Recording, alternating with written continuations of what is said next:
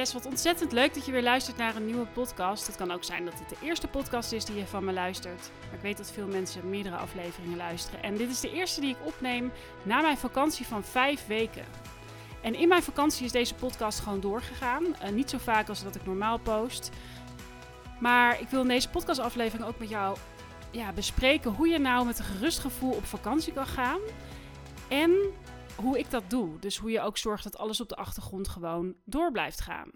En ik vind dat niet alleen belangrijk als jij dit luistert als je ondernemer bent, maar ook zeker als je manager bent. Want ja, ik, ik weet niet of je dit herkent, maar ik ben zelf ook manager geweest. En sterker nog, ik zie mijzelf nu ook deels als manager, want ik heb mijn eigen bedrijf en mensen voor me werken ik zie echt nog veel te veel dat we vinden dat wij het contactpersoon van de klanten moeten zijn. Dat wij het moeten oplossen. Dat als we niet het overzicht houden, dat alles misloopt. Dat we graag de controle houden.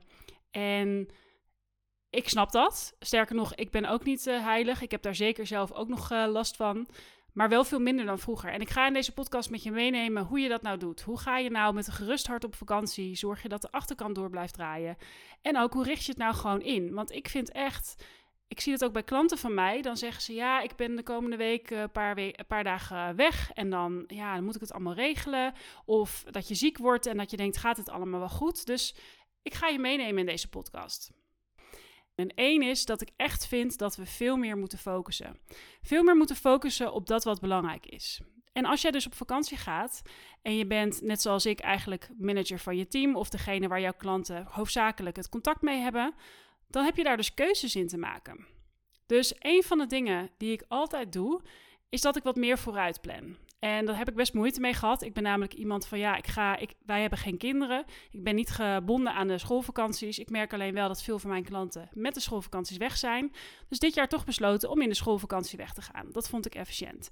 Maar dat heeft dus wel betekend dat ik een tijd daarvoor al die weken heb geblokt. En dus zorg dat ik geen belangrijke afspraken in die weken heb.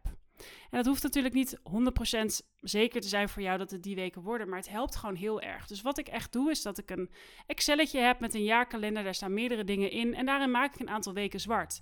En dan weet mijn assistent ook, die afspraken ook voor mij inplant, dat ze in die weken geen afspraken moet inplannen.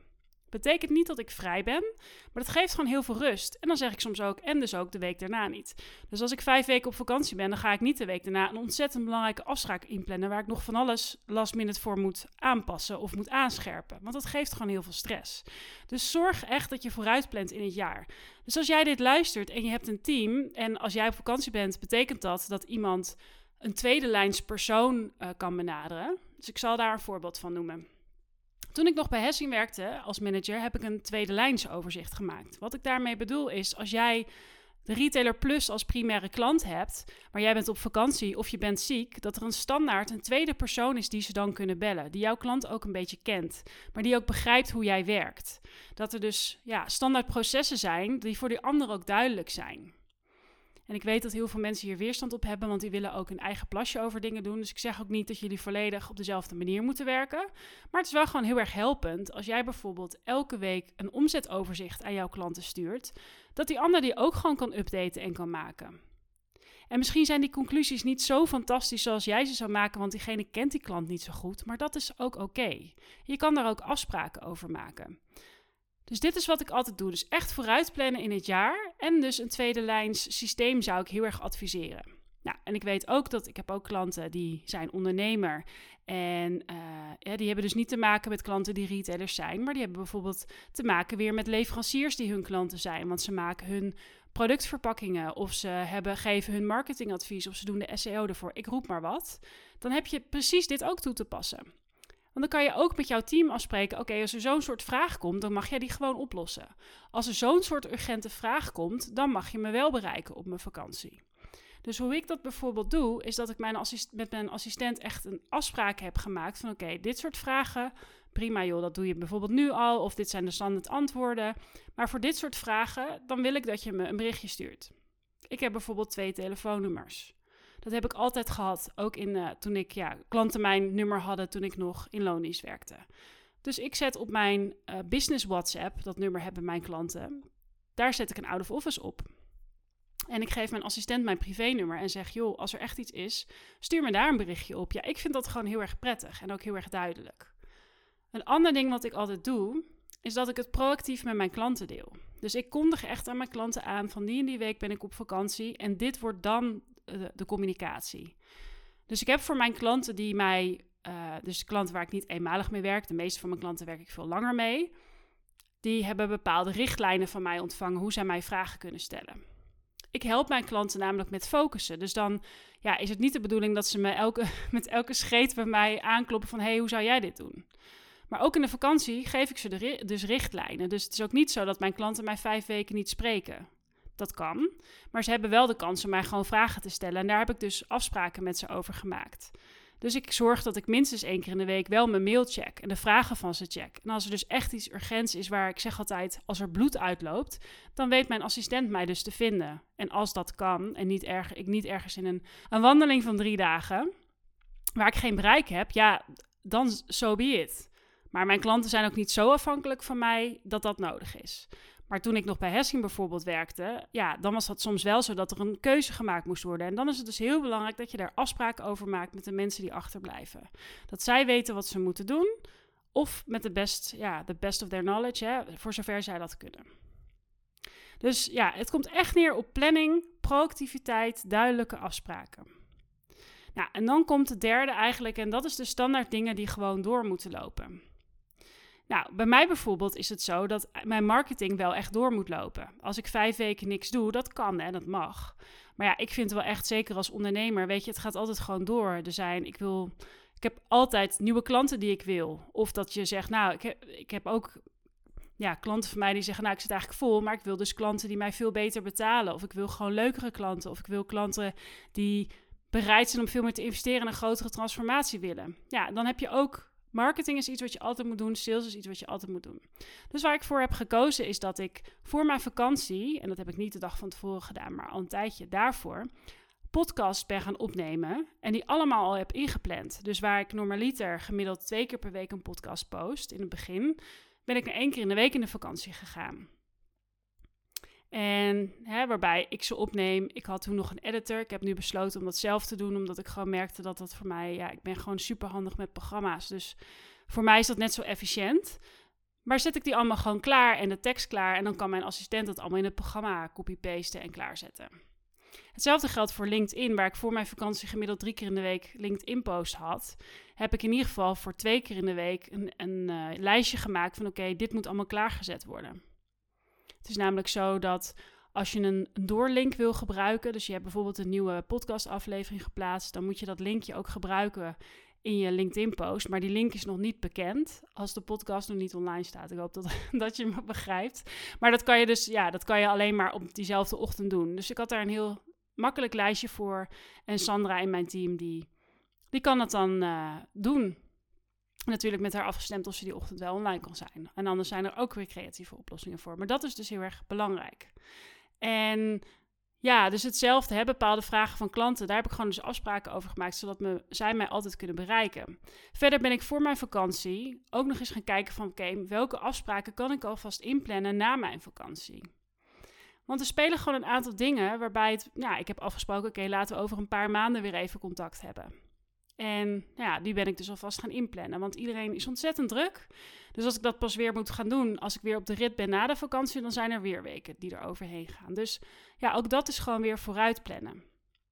En het komt ook gewoon neer op prioriteiten stellen. Als er iets voor, voorbij kwam en Sandra die berichtte mij van hey, ik zie dit voorbij komen. Volgens mij moet je daar nu actie op ondernemen. Is dat natuurlijk helemaal prima.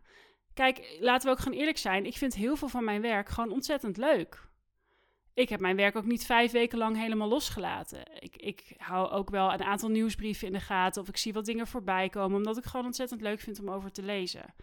Maar dat is wel echt iets heel anders dan op dat moment allemaal LinkedIn-posts schrijven. Ja, dat, dat doe ik niet. Wat ik wel heb gedaan, is dat ik regelmatig online was op LinkedIn om ook wat reacties te geven op reacties die mensen gaven. Want voor mij is LinkedIn gewoon een ontzettend belangrijk platform om aan nieuwe klanten te komen of om aan mijn marketing te werken. Want ik wil ook gewoon vaker op podia staan en vaker mijn verhaal doen en mijn visie delen. En ja, dan kan je daar vijf weken niet op reageren, lijkt mij niet zo verstandig. Dus er zijn een aantal dingen die je gewoon kan doen, waardoor jij gewoon ook langer op vakantie kan, maar ook dat je dat met een gerust gevoel doet. En ja, ik neem deze podcast op omdat ik gewoon van veel mensen om me heen hoor: Jeetje, hoe doe je dat? Ja, zo doe je dat dus. En een ander ding wat je echt moet leren, en dat vind ik ook moeilijk hoor, maar dat is echt controle loslaten. Want ja, het betekent als je delegeert dat sommige, sommige dingen niet zullen gaan zoals jij ze zou doen. Dat is natuurlijk altijd zo. En dat heb je dan te accepteren. Maar je weet het nooit als je het niet probeert. En mensen raken er ook gewend aan als jij altijd alles maar oppakt. Ik weet dat er ook best wel mensen luisteren die ja, bijvoorbeeld manager zijn van een team met accountmanagers bewijzen van. Ja, uiteindelijk is het ook belangrijk voor hun eigen ontwikkeling dat ze zelf keuzes durven te maken. En kan je daar dus ook richtlijnen voor opstellen. Dus als ergens echt iets heel belangrijks is, ja, so be it. Ik weet nog, eh, ik weet ook niet meer hoe dat, hoe dat gebeurde, maar dat ik bij Hessing werkte. En ehm, ja, het was toen heel warm in Nederland. Dus wat er dan dus gebeurt, is dat veel meer maaltijdsalades worden besteld. En nou ja, op het moment dat je begint met produceren om 12 uur s'nachts, dan heb je nog niet bestellingen binnen. Dus je doet alles op voorkast. Maar dus in dat soort dagen en weken is het heel moeilijk te voorkasten. En toen had de directeur op een gegeven moment tegen mij gezegd: Danielle, ik ga dit weekend een weekend weg. Of hij ging heel ver weg. Hij zou een dag onbereikbaar zijn, dus jij moet het doen. Nou, en dat, toen gebeurde dit natuurlijk. Ja, en ik kon ook niet met hem bellen. Maar het gaf mij ook op een gegeven moment de autoriteit in het bedrijf. En ook, ja, weet je, ik moest het gewoon gaan fixen. En de enige manier om dat te gaan leren is het ook gewoon te doen. Nou, volgens mij had ik het niet beter kunnen managen dan we hebben gedaan met elkaar. Want bijvoorbeeld uh, mensen in mijn team zijn er zelfs ook nog fysiek naartoe gegaan om, uh, weet je, om, om daar met mensen het af te stemmen. En ja, dus, dus uiteindelijk geloof ik er ook in dat dat belangrijk is voor jouw proces. En nou, dat, dat verhaal, daar wil ik nog eigenlijk mee afsluiten. Dat verhaal deelde ik vorige week op LinkedIn best wat reacties op gehad. Dat ik, volgens mij was ik 27, maar in ieder geval een hele tijd geleden, zo'n 10 jaar geleden, zat ik in de auto en kreeg ik een hyperventilatieaanval. Ik wist dat op dat moment niet. Ik dacht echt dat ik aan het doodgaan was, dat ik een hartaanval kreeg. Nou goed, uh, de tweede keer dat ik de ambulance moest belden, zei die man... Uh, ja, volgens mij heb je gewoon hyperventilatie. Dus ik geef je wat kalmeringsmiddelen. Nou, toen uh, ging het een stuk beter. En dat moment heeft mij heel veel inzicht gegeven in dat ik gewoon altijd dacht dat ik door moest gaan. En dat, dat ga ik gewoon nooit meer doen. Dat ga ik nooit meer doen. En ik zie dat soms ook bij klanten die ja, die, die echt overlopen van werk. En ik, ik, kijk, ik ben geen coach in, het in de zin van ik wil jou een burn-out voorkomen. Daar zijn andere experts voor. Maar ik geloof wel heel erg in dit. Ik geloof in vakantie. Ik geloof in afschakelen.